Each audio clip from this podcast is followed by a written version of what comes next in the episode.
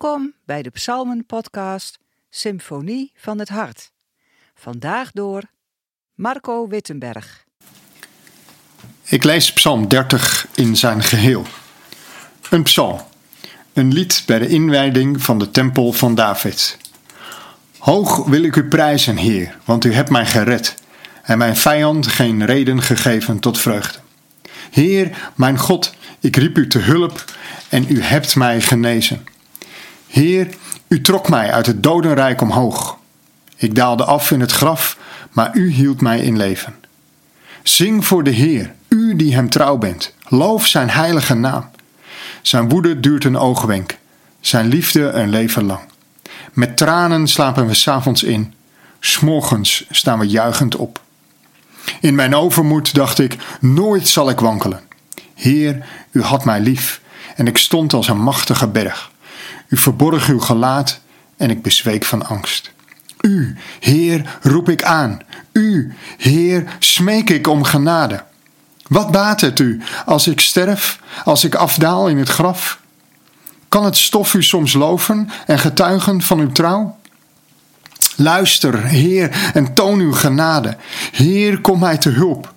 U hebt mijn klacht veranderd in een dans, mijn rouwkleed weggenomen, mij in vreugde gehuld. Mijn ziel zal voor u zingen en niet zwijgen. Heer, mijn God, u wil ik eeuwig geloven.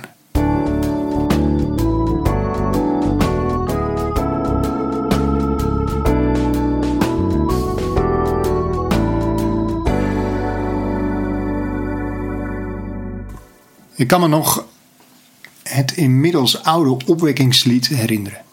Heer, u gaf aan mij uw vreugdeolie, een lofgewaad in plaats van rouw. En een beetje afhankelijk van het type gemeente waarin dit lied gezongen werd, was er uitbundige begeleiding van tamboerijn, staan, klappen en soms zelfs dansen in de rijen, al dan niet met vlaggen en wimpels. En met knipoog, als je aan het uiteinde van een rij stoelen zat, moest je goed uitkijken en op tijd bukken als er een overenthousiaste broeder of zuster passeerde. Alle gekheid op een stokje. En wat je er ook van vindt. Deze psalm 30 eindigt wel met het uitbundige enthousiasme waarin David het heeft over dans, vreugde, zingen en loven. Met elke vezel in je lichaam wordt God aanbeden, geloofd en geprezen. Het is aanbidding on top of the hill. Al vanaf het begin van de psalm wordt duidelijk dat het hier gaat om een danklied. God geeft reden tot vreugde en dankbaarheid.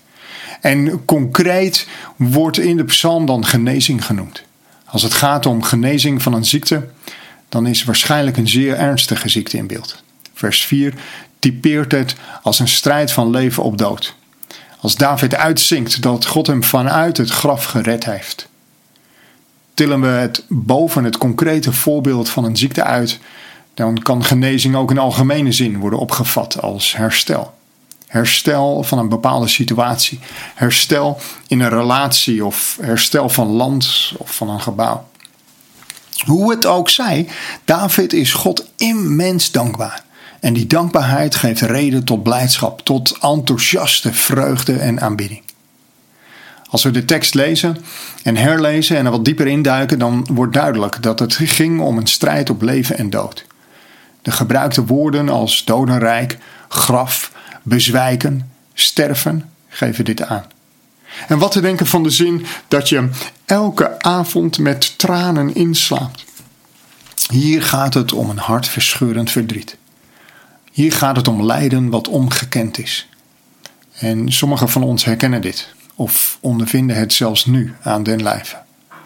Voor anderen is het ver van hun bed als we wat uitzoomen van onze mogelijke eigen situatie en kijken naar de wereld waarin we leven, dan is daar strijd en lijden. Dagelijks. Hoeveel zijn er niet die vechten voor hun leven? Hoeveel weten s'morgens niet wat ze s'avonds zullen eten? En of ze er überhaupt nog zijn. De Bijbel leert ons dat ook lijden, ziekte en verdriet ons niet bespaard zullen blijven. Ook wij zijn vatbaar voor de gebrokenheid van de schepping.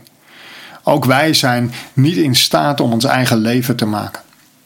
Ook al wil de maatschappij ons dat wel doen geloven. Iets maken van je eigen leven. David kende het. Ziekte, teleurstelling, verdriet, rouw. In de psalm getuigt hij hoe diep hij zat. Hoe zeer hij bezweek ten onder ging. Of ten onder dacht te gaan. Maar dan, dan gebeurt er iets. En we weten niet precies wat het is. Wat die ommekeer bracht. David beschrijft het niet anders dan dat God overwon. Genezing, zijn liefde, juichen, genade, redding. Het zijn de woorden die hij gebruikte om de ommekeer aan te geven. God heeft gered. Hoe precies? We weten het niet. Wat precies? We weten het niet. Wanneer precies? Hoe lang David heeft moeten wachten? We weten het niet. Maar dat God ingreep is overduidelijk. En dan keert de rouwklacht om tot vreugdedans. Het klagen wordt dansen. Het rouwkleed wordt blijdschap. Het zwijgen wordt zingen. En in een ultieme poging om zijn dankbaarheid te uiten, besluit David met de uitroep: Heer mijn God, u wil ik eeuwig geloven. Het kan maar zo zijn dat je hier niet of nog niet aan toe bent. Dat je nog wacht op de ommekeer in jouw specifieke situatie welke dat ook mag zijn. Psalm 46, vers 11 zegt dan: Wees stil en wacht op de Heer. Staak de strijd en laat het aan God over. Vaak, misschien wel te vaak, wordt dit te snel gezegd. De praktijk is zo moeilijk, zo weerbarstig. De tranen elke avond zijn zo reëel. Maar toch, met David mogen we weten dat dit niet het einde is. En niet alleen met David, maar in en door Christus mogen we weten dat dit niet het einde is. En dit niet alleen weten, maar het zelfs ervaren. Ik bid je toe dat de tijd snel mag aanbreken, dat er genade is, dat Gods hulp realiteit zal blijken.